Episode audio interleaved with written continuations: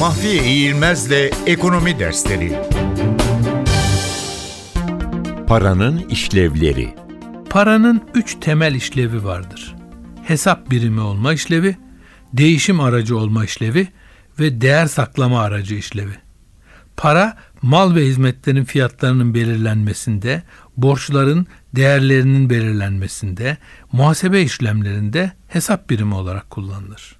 Para aynı zamanda herkesin kabul ettiği bir araç olarak mal ve hizmetlerin alım ve satımında değişim aracı olarak kullanılır.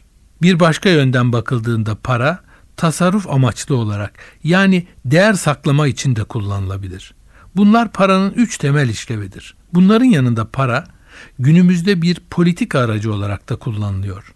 Küresel kriz sonrasında önde gelen merkez bankaları para arzını arttırarak parayı ciddi bir ekonomi politikası aracı olarak kullandılar.